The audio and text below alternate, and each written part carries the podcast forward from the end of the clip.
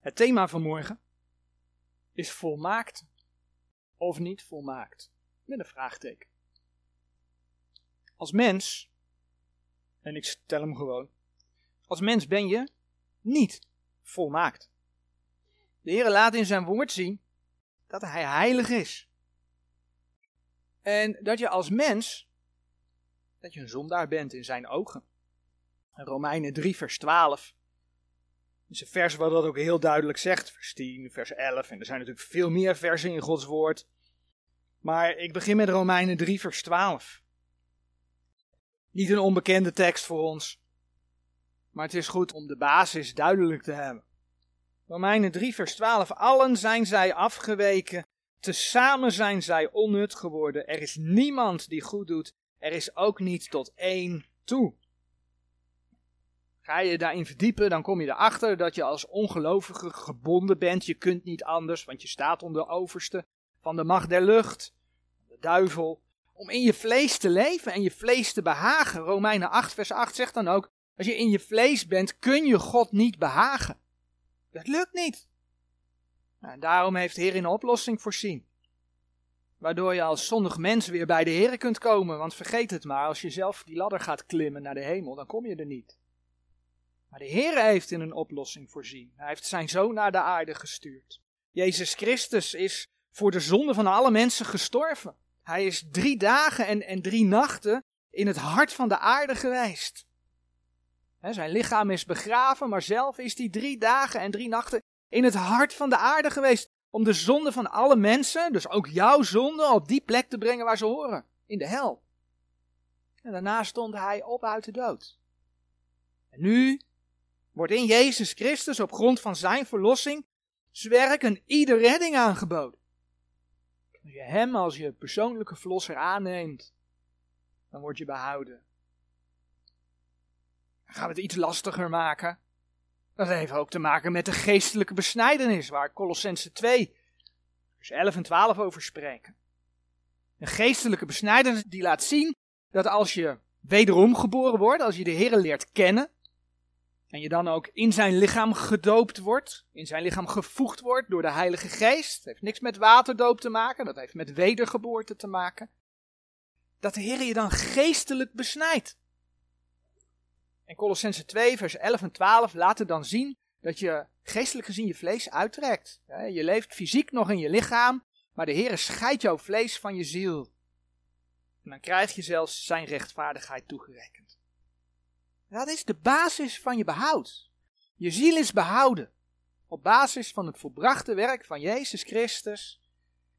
Op basis daarvan heeft de Heer jouw vlees losgetrokken van je ziel, losgesneden.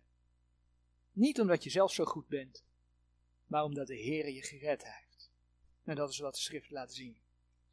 Maar ondanks zagen we dat je als gelovige nog steeds de fout in alhoewel je ziel door die geestelijke besnijdenis niet meer verbonden is met je vlees, leef je fysiek gezien nog wel in dat lichaam. Leef je fysiek gezien nog wel in dat vlees. Ja, nou, en het is dat lichaam, dat vlees, waar de zonde in woont. Dat laat Romeinen 7 zien. Romeinen 7, vers 14. Romeinen 7, vers 17. Romeinen 7, vers 18. Ja, daar ligt die moeilijkheid. Want wat zegt de Heer? Oké, je bent nu een kind van mij.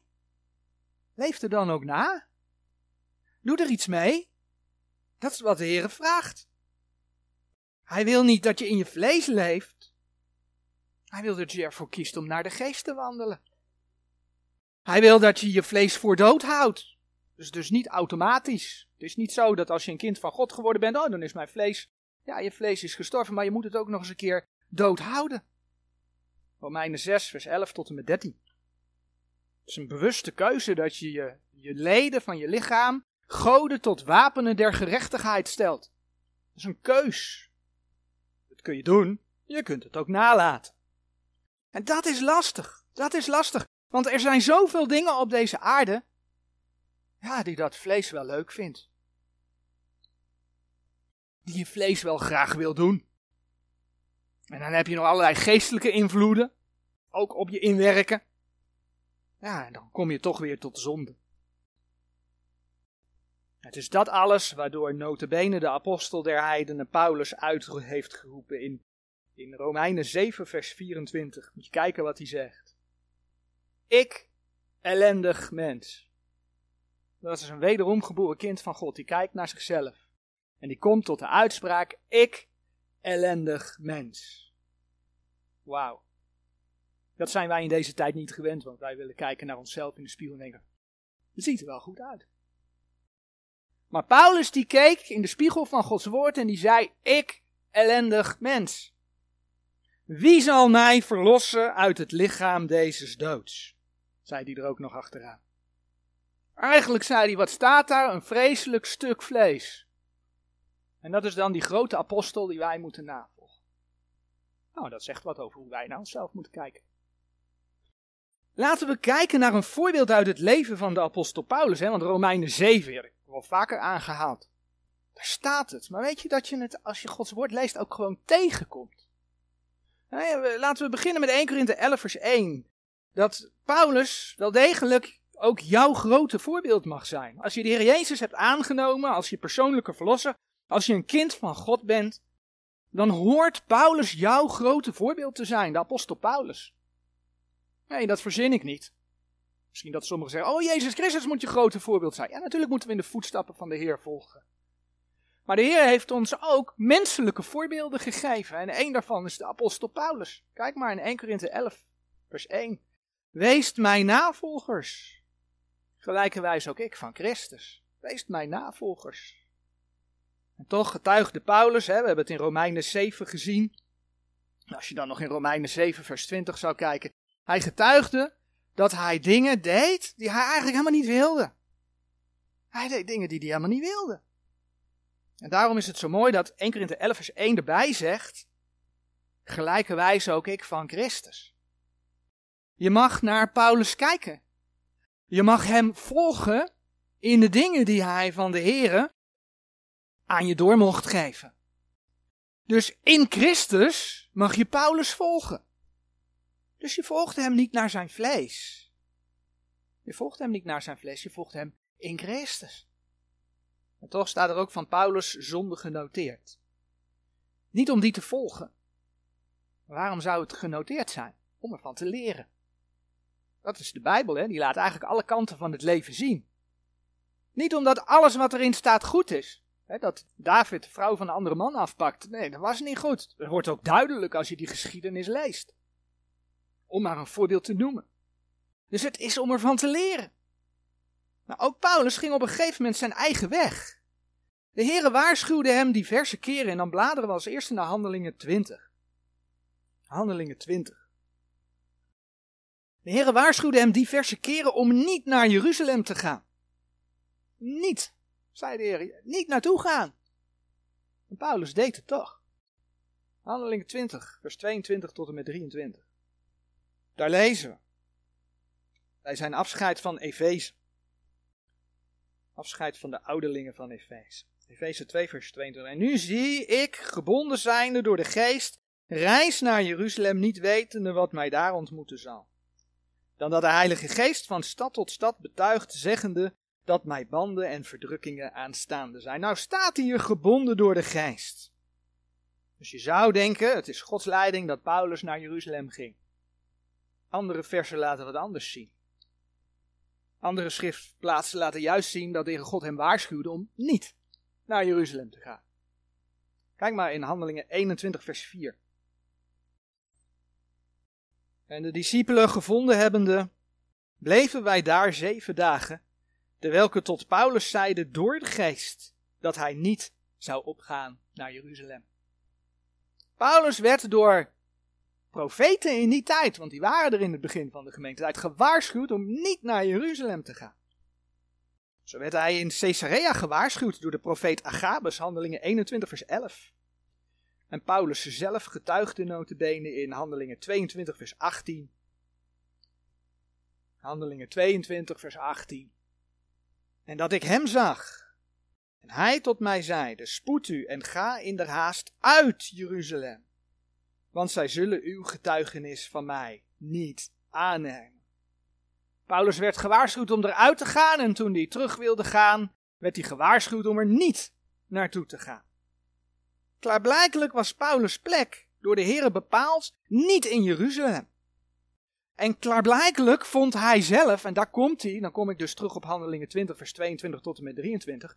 Klaarblijkelijk vond hij zelf dat Gods wil voor hem, in ieder geval deels, wel een plek in Jeruzalem was. En daarom voelde hij zich gebonden. En dus ging hij wel terug naar Jeruzalem.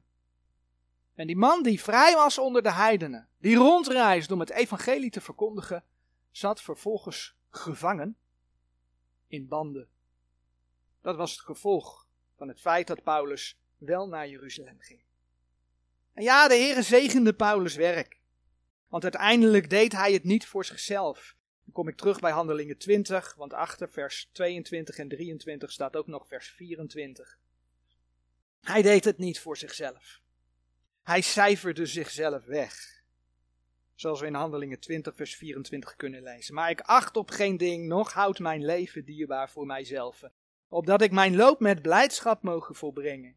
En de dienst welke ik van de Heer Jezus ontvangen heb om te betuigen het evangelie der genade Gods. Maar de plaats Jeruzalem was voor Paulus niet Gods wil. Zo zorgde de Heer ervoor dat Paulus de Heer wel diende maar wel een aantal jaren in gevangenschap in Rome, terwijl hij voorheen als vrijman onder de heidenen kwam. Weet je, alleen dit mag al een les voor je zijn. Laat je je in de dingen die je doet werkelijk leiden door de Heer. Of zijn de wegen die je gaat, zijn dat eigenlijk je eigen wegen waarvan jij vindt dat dat Gods wegen voor jou zijn? Vind je bijvoorbeeld van jezelf dat je, ja, je leeft wel via Gods woord, hè, want je houdt met zoveel dingen rekening. Ondanks dat er duidelijke bepaalde facetten zijn uit Gods woord waarvan je eigenlijk denkt, nou, daar geef ik geen aandacht aan. Dat leg ik naast me neer, dat je dat eigenlijk te moeilijk vindt. Dus is het dan echt wel de weg van God die je gaat? Zomaar wat vragen om over na te denken. Waardoor je dus zelfs van een ongehoorzaamheid van Paulus die je eigenlijk niet eens zou verwachten, want Paulus is ja groot aanzien, maar Paulus was ook een mens. De getuigde die in Romeinen 7, we hebben er een voorbeeld van gezien. Als we als mens niet oppassen, gaan we onze eigen weg in plaats van de weg van de Heer. Zo kun je leren. Ook van dit voorval. Maar waar het vanmorgen om gaat, is dat we zien dat ook Paulus, ook Paulus, ging soms zijn eigen weg zelfs regelrecht tegen Gods wil in. Dan ging het daar nog wel om het dienen van de Here. Daarnaast waren er nog de verleidingen van het vlees, de misleidingen van de boze. Weet je, Paulus is het voorbeeld, dat gebeurt iedere wederom geboren gelovige. Als kind van God ben je niet volmaakt. Daarom zagen we onlangs dat je ook als kind van God iedere keer weer naar Hem terug moet om je zonde te beleiden, om vergeving te vragen. Niet om gered te worden. Nee, je bent vergeven, je bent gered. Maar wel om een goede relatie met je hemelse vader te kunnen hebben, want je bent nu eenmaal niet volmaakt. Je bent nu eenmaal niet volmaakt, ik ga er iets aan toevoegen, in die zin dat je hier op aarde al zonder zonde zou zijn. En daarom lezen we in Filippenzen 3 vers 12. Filippenzen 3 vers 12. Niet dat ik het al reden gekregen heb of al reden volmaakt ben. Zie je dat? Mooi hè, dat zegt Paulus. Niet dat ik het al reden heb of al reden volmaakt ben. Maar ik jaag daarna, of ik het ook grijpen mocht. Waartoe ik van Christus Jezus ook gegrepen ben is een tekst waar we onlangs bij hebben stilgestaan en dat we gezien hebben dat je als kind van God behouden bent. Daar gaat dit vers helemaal niet over. Maar om in de eeuwigheid door de Heer beloond te worden, hè, want je komt voor die rechterstoel van Christus te staan. Ja, zul je er naar moeten jagen om beloond te worden. Dat is wat de schrift laat zien. Dat is een boodschap die vandaag de dag praktisch niet verkondigd wordt. Omdat de rechterstoel door mensen geprojecteerd wordt in de kerken op het oordeel voor de grote witte troon. Dit wordt niet gebracht, maar dit is de boodschap aan de gemeente. In evangelische kring is het eigenlijk allemaal halleluja, want ja, we leven uit genade en de rest maakt niet uit. Dus zie je ook de wereldgelijkvormigheid in die kringen. Want dit wordt niet gebracht. Maar het is wel onderdeel van Gods woord. De Heer vraagt dat je er naar jaagt. En dat naar jagen kun je door die vijf kronen helemaal uitsplitsen, gaan we vanmorgen niet doen. Ik hou hem algemeen. Dat is door te leven tot eer van de Heer. Iedere dag, ieder moment een bewuste keus. In de toekomst, als de Heer Jezus zijn gemeente komt halen, zul je een opstandingslichaam krijgen. Naast het feit dat je voor de rechterstoel van Christus zult verschijnen, waar je wegdraagt wat je met je lichaam gedaan hebt, het zij goed, het zij kwaad, zegt 2 Korinthe 5 vers 10, staat er een heel ander lichaam op. En dat andere lichaam, dat vinden we in 1 Korinthe 15 heel mooi beschreven. 1 Korinthe 15. Het opstandingslichaam, dat is een ander lichaam. En we lezen vers 42 tot en met vers 44 van 1 Korinthe 15. Alzo zal ook de opstanding der doden zijn. Het lichaam wordt gezaaid in verderfelijkheid. Het wordt opgewekt in onverderfelijkheid. Het wordt gezaaid in oneer. Het wordt opgewekt in heerlijkheid. Het wordt gezaaid in zwakheid. Het wordt opgewekt in kracht. Een natuurlijk lichaam wordt er gezaaid. Een geestelijk lichaam wordt er opgewekt. Er is een natuurlijk lichaam en er is een geestelijk lichaam.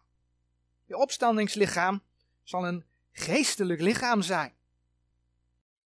Maar er staat ook bij dat het is opgewekt in onverderfelijkheid. En door de zonde is je huidige lichaam ja, verderfelijk. Het vergaat. Het vergaat.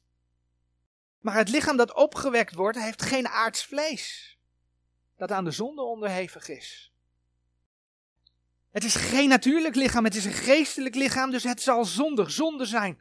En dat is ook logisch, want hoe zou je anders bij de Heer in de hemel kunnen komen? Want de Heer kan geen zonde zien. Kijk in 1 Korinthe 15, vers 50.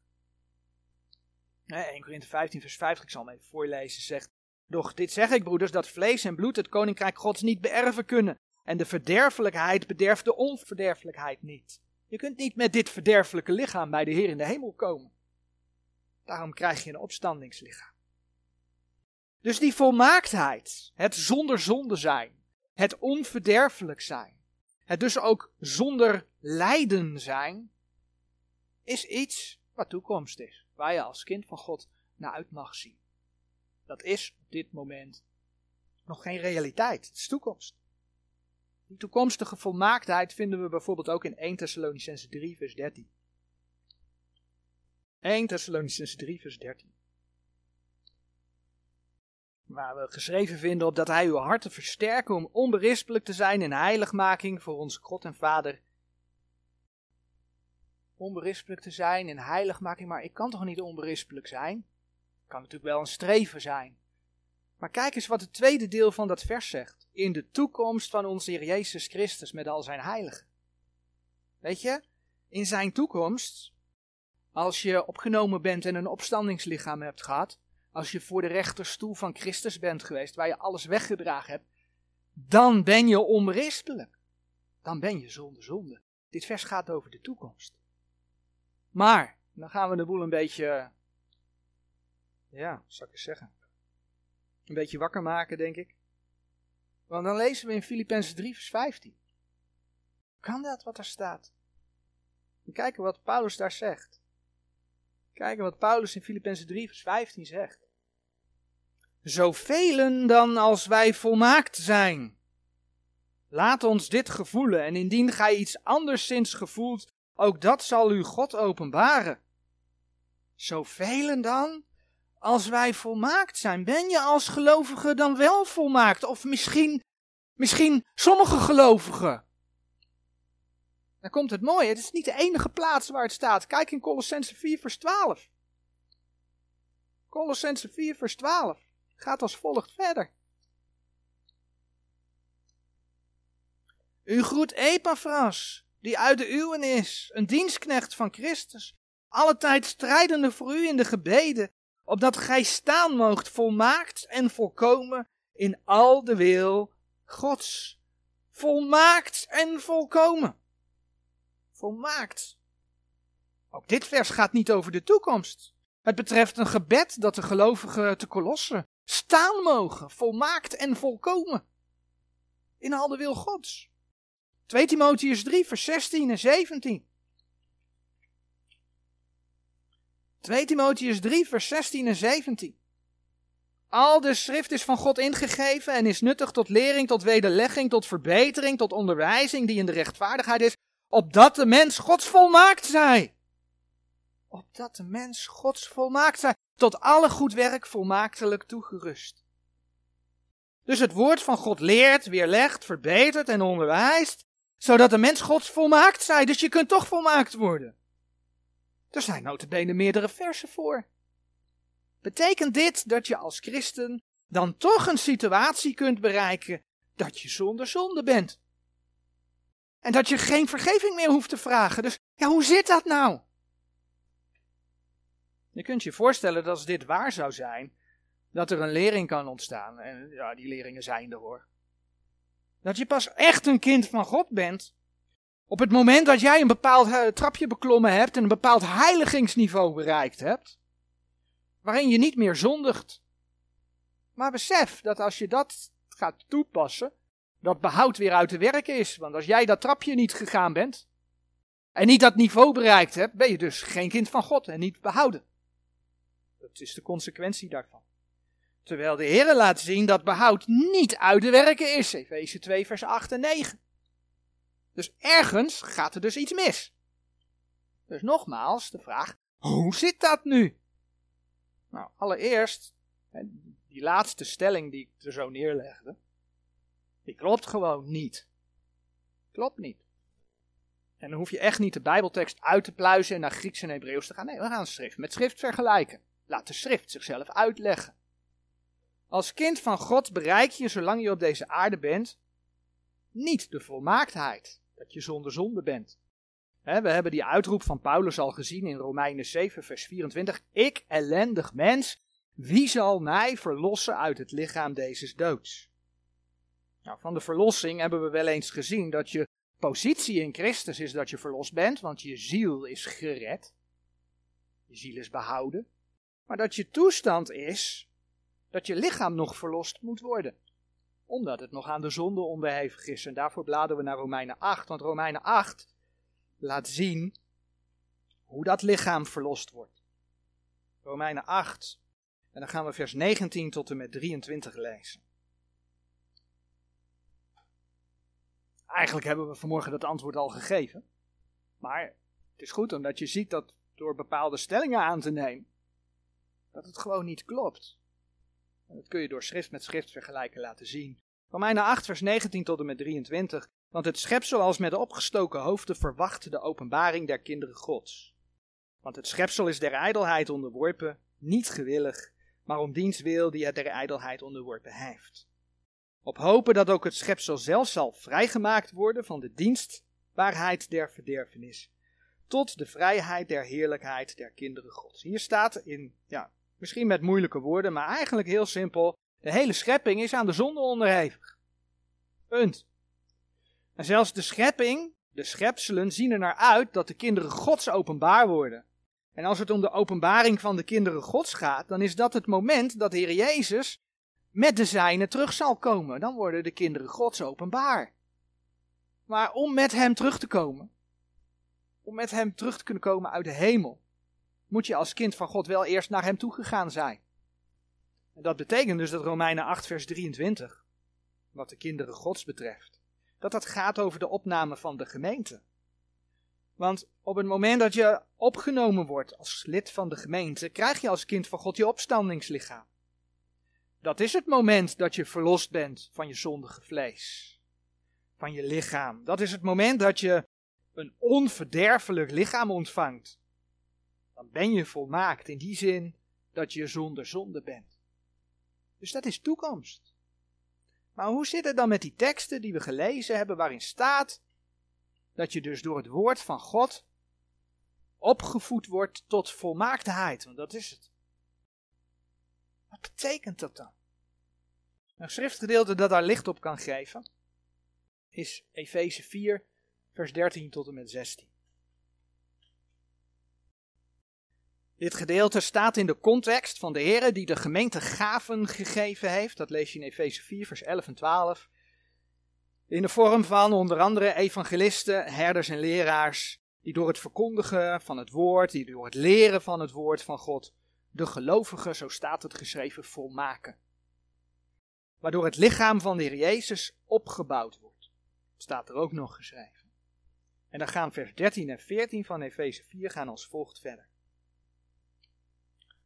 Totdat wij alle zullen komen tot de enigheid des geloofs. En de kennis van de Zoon Gods, tot een volkomen man, tot de mate van de grootte der volheid van Christus, opdat wij niet meer kinderen zouden zijn die als de vloed bewogen en omgevoerd worden met alle wind der leer, door de bedriegerij der mensen, door arglistigheid om listiglijk tot dwaling te brengen. Maar de waarheid betrachtende in liefde, alleszins zouden opwassen in hem, die het hoofd is, namelijk Christus.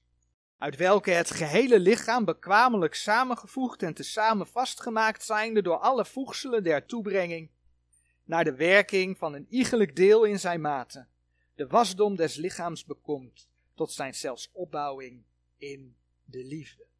Dit gedeelte gaat over opwassen. Nou, is opwassen. Opwassen is groeien. Het gaat over groei. Groeien in de Heer Jezus, groeien in je geloof. Je komt ook het woordje volkomen tegen in dat gedeelte. Net zoals we in Colossense 4 vers 12 zagen.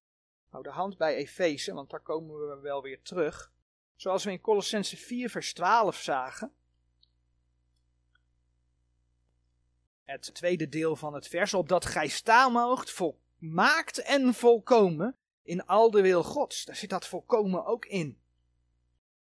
Het woordje volmaakt in die versen die we gelezen hebben, ja, is wel een vorm van volmaakt zijn, maar heeft niet te maken met zonder zonde zijn. Daar heeft het niet mee te maken. Het heeft meer de betekenis van volkomen zijn. En als we aan groei denken, als we aan groei denken, dan heeft het te maken met volwassen zijn. Volwassen worden. Als je Efeze 4 vers 16 bekijkt, als je dat vers leest, dan zie je dat elk lid van de gemeente moet groeien om de juiste plek in te nemen die het door de Heer gegeven is. Iedereen moet groeien. Als het groeit, als het volwassen wordt, als het in die zin volmaakt wordt, volgroeit, hè, wordt, en de juiste plek inneemt, dan gaat het, is dus de bedoeling, dat dat geheel goed gaat werken. En dat is wat de Heer hier op aarde met zijn lichaam voor heeft.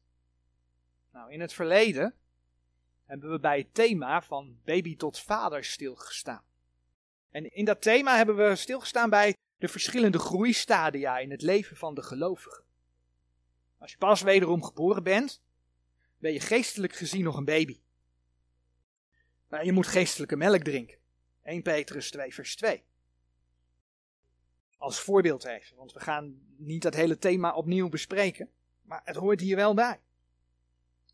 Efeze 2 vers 2 zegt, en als nieuwgeboren kinderkens, als baby's, zijt zeer begeerig naar de redelijke onvervalste melk, opdat gij door dezelfde moogt opwassen, opdat je door dezelfde mag groeien. Dat is wat de Heer je aanraadt. Dus je groeit geestelijk door het woord van God tot je te nemen. Door het groeien word je geestelijk gezien een jongeling. Je hebt geleerd wat het is om je vlees af te leggen, om overwinningen te behalen. Maar je moet bijvoorbeeld nog leren om te volharden. En als je dan doorgroeit, dan laat schrift zien, dan word je geestelijk gezien een volwassen man. Je bent standvastig geworden, je bent volmaakt toegerust om te volharden. Maar bijvoorbeeld ook om anderen te leren. Dat is waar 2 Timotheus 3 vers 17 over spreekt, wat we al gelezen hebben, maar laten we dat vers nog een keer lezen. 2 Timotheus 3 vers 17. Opdat de mens Gods volmaakt zij, tot alle goed werk volmaaktelijk toegerust. Zoals gezegd, we gaan hier nu niet uitgebreid op in. Wil je het terughoren? dan kan dat. Het is de preek van 19 september 2021. Thema van baby tot vader, dus je kunt het terugluisteren. Het punt met de geestelijke groei is, hè, in het fysieke leven is het heel logisch. Hè? Je wordt als babytje geboren, je krijgt melk en je groeit. Wat je in, bij christenen ziet in het geestelijk leven, is dat het gros baby blijft. Komt niet verder. Het leest Gods woord niet, kan niet groeien. Geestelijke groei is belangrijk. Een voorbeeld van mensen die niet groeiden, dat zijn de Corinthiërs. De Corinthiërs, dat waren mensen die veel bezig waren met de gaven van de geest. En dan met name ook de verkeerde gaven, om het maar zo te zeggen. Misbruikte gaven, hè. De Heer God geeft soms gaven, mensen gaan dat misbruiken. En die moesten door Paulus terechtgewezen worden. Kijk wat Paulus tegen de Corinthiërs zei in 1 Korinthe 3, vers 1 tot en met 3. En ik, broeders, kon tot u niet spreken als tot geestelijke, maar als tot vleeselijke, als tot jonge kinderen in Christus. Ze waren nog niet veel gegroeid. Ik heb u met melk gevoed en niet met vaste spijzen. Dat kon u niet kwijt. Baby's kunnen nog geen vaste spijzen eten. Want gij vermocht u nog niet. Ja, gij vermoogt ook nu nog niet. Want gij zijt nog vleeselijk. Want terwijl onder u nijd is en twist en tweedracht, zijt gij niet vleeselijk en wandelt gij niet naar de mens. Als je niet geestelijk groeit, blijf je met vleeselijke dingen bezig. Kom je nooit met vast voedsel van Gods woord. In Ara ja, kom je misschien wel mee in aanraking, maar je kunt het niet verteren. Je kunt er niet mee bezig gaan. En wat je dan ziet is dat mensen op zichzelf gericht blijven. Je blijft geestelijk gezien kinderlijk gedrag vertonen. Ik wil dat wat de ander heeft. Oftewel, niet je eigen plekje innemen, terwijl iedereen een eigen plekje heeft. Ik wil dat eten, want ja, ik mag dat eten. Oftewel, geen rekening houden met zwakkere broeders en zusters. Maar ook weet je als geestelijk kind niet wat luisteren is. Je weet niet wat gecorrigeerd worden, wat dat inhoudt. Want je gaat je eigen gang. Vergeving vragen doe je niet. Maar ja, je hebt toch zelf gelijk. En je wordt snel boos als je gewaarschuwd wordt voor dwaalleer. Ik bedoel, vertel een charismaticus maar eens dat de hedendaagse tongenbeweging ingegeven wordt door een valse geest. Dan moet je eens kijken wat er dan gebeurt. Alles draait als geestelijk kind, als vleeselijk christen, om jou. Terwijl de Heer vraagt om je nederig op te stellen. Terwijl de Heer vraagt om jezelf weg te cijferen. Terwijl de Heer vraagt om vergeving te vragen. Zo kun je meer voorbeelden bedenken. En die dingen moet je leren. Maar dan moet je daar wel voor openstaan. Als we naar 1 Korinthe 14 vers 20 bladeren. Dan moet je even denken aan die charismatische Corinthiërs. Die krijgen dit te horen, 1 Korinthe 14 vers 20. Broeders, wordt geen kinderen in het verstand, maar zijt kinderen in de boosheid. En wordt in het verstand volwassen. Eigenlijk zegt Paulus, je wordt nou eens een keer groot. Ga nou eens een keer groeien. Een klein kind ziet de gevaren niet. Dat is als geestelijk klein kind net zo. je wordt makkelijk, daar spreekt Efeze 4 over. Efeze 4, vers 14. Je wordt makkelijk als de vloed bewogen en omgevoerd met alle wind en leer door de bedriegerij der mensen, door arglistigheid, om listiglijk tot dwaling te brengen. Dat is Efeze 4, vers 14. Dus je komt makkelijk bij dwaalleer uit. Met alle onzekerheid en twijfels van dien. Denk aan het onderwerp van vanmorgen. Je bent als kleinkind makkelijk te overtuigen dat je als gelovige een bepaald niveau van volmaaktheid moet halen om behouden te worden. Want wees eerlijk, dat streelt het vlees ook wel. Als jij kunt zeggen van jezelf, kijk mij eens even goed zijn. Ja, dat werkt wel op het vlees. Want wij mensen willen toch graag gezien worden. Maar op het moment dat je dat denkt, ga je werken voor je behoud. Terwijl de Heer zegt dat het behoud niet uit te werken is. En dan moet je je voorstellen dat je die status denkt bereikt te hebben. Dan ga je ook geen vergeving meer vragen voor dingen die je fout hebt gedaan. Want jij doet geen dingen fout. Nee, ik ben volmaakt. Dus ik vraag geen vergeving. Alleen die hoogmoed, dat jij denkt dat je geen fouten maakt, dat maakt als scheiding tussen jou en de, en de Vader in de hemel. Die zegt dat jij nederig moet zijn. Dus je bent bevangen van hoogmoed, omdat je denkt alles goed te doen. En je hebt de Heer, 1 Johannes 1 vers 10, voor een leugenaar uitgemaakt. 1 Johannes 1 vers 10. Indien wij zeggen dat wij niet gezondigd hebben, zo maken wij hem tot een leugenaar en zijn woord is niet in ons. Oh, kijk eens wat er zich allemaal opstapelt tussen jou en de Heer. En de vraag is dan, als je die dwaalleer aanhangt, hoe kom je dan voor de rechterstoel van Christus te staan? Jij die denkt het allemaal zo goed te doen. Oh, dan kom je bedrogen uit. Wat je moet leren, en dat is geestelijk groeien, is de gevaren te kennen. En dan word je standvastig. Dat is waar Efeze 4, vers 14 over gaat. En daarom moet je groeien in geloof.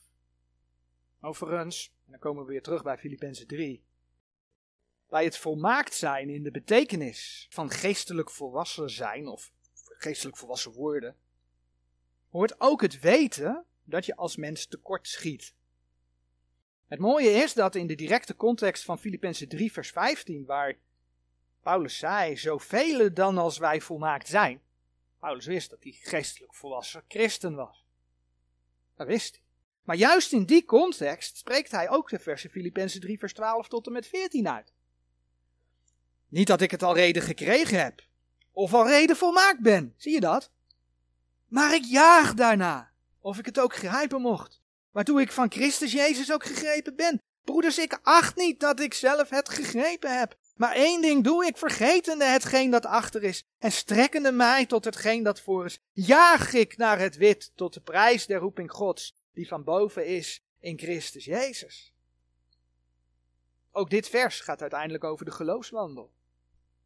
En ondanks dat Paulus wist dat hij geestelijk volwassen christen was, zei hij niet dat ik al reden volmaakt ben. Ik acht niet dat ik het zelf gegrepen heb. En daarom jaagde hij erna. Dus ondanks dat het Gods wil is de gelovige volmaaktelijk toe te rusten, en dat je geestelijk gezien een volwassen christen kunt worden, kunt zijn, blijf je ook als geestelijk volwassene met je beperkingen geconfronteerd worden. En Paulus wist dat heel duidelijk. Als jongere heb je nog wel eens zoveel geleerd dat je denkt alles te weten. Dat geldt ook voor geestelijke jongelingen. Maar als geestelijk volwassene heb je ook geleerd om je beperkingen te kennen. En vanuit die nederigheid kun je dan dienen. Denk aan het voorbeeld van Romeinen 14 waar we bij stil hebben gestaan. Waar ik ook in deze boodschap naar gerefereerd heb. Ja, de Heer zegt dat je alle vlees mag eten. Ja. Maar dat geeft jou niet het recht om een andere gelovige die nog niet zo ver is pijn te doen en dat te eten waar hij bij is. Dat is geestelijk groeien, rekening houden met elkaar. Nederig zijn. Het is dus van belang om te groeien, om geestelijk volwassen te worden, zodat je niet meer als de vloed bewogen en omgevoerd wordt met alle wind der leer. Efeze 4, vers 14. Dat is wat geestelijke groei doet. Je wordt volwassen, je wordt standvastig en je wordt volmaaktelijk toegerust, of geheel toegerust, volkomen toegerust op dat plekje wat voor jou is. Om dat plekje in het lichaam van de Heer in Jezus in te nemen. En Paulus is ons voorbeeld. Hij was een volwassen, wederom geboren man. In die zin was hij volmaakt. Hij was volwassen. Hij was volmaakt toegerust om mensen het evangelie der genade Gods te verkondigen. God zorgde ervoor dat hij dat evangelie kon brengen. En toch kwam hij, en die voorbeelden hebben we gelezen, iedere keer zichzelf tegen. Omdat ook een geestelijk volwassen gelovige nog steeds fysiek in zijn lichaam leeft. Hij was dus niet zonder zonde. In die zin was hij niet volmaakt. Dat geldt voor ieder van ons. Dat geldt jou als kind van God. Dat geldt ook mij als kind van God. Hopelijk is na deze boodschap duidelijk dat er in feite twee soorten volmaakt zijn. zijn. De ene is het volmaaktelijk toegerust zijn, het geestelijk volwassen zijn. De ander is het zonder zonde zijn. En dat zonder zonde zijn, hier mag je naar jagen. mag een doel zijn. Maar dit tweede, dat zonder zonde zijn, dat is iets wat toekomst is. Daar mag je naar uitzien. Op het moment dat de Heer je thuis haalt en jij een opstandingslichaam krijgt en voor de rechterstoel van Christus verschenen bent, ben je zonder zonde. Amen.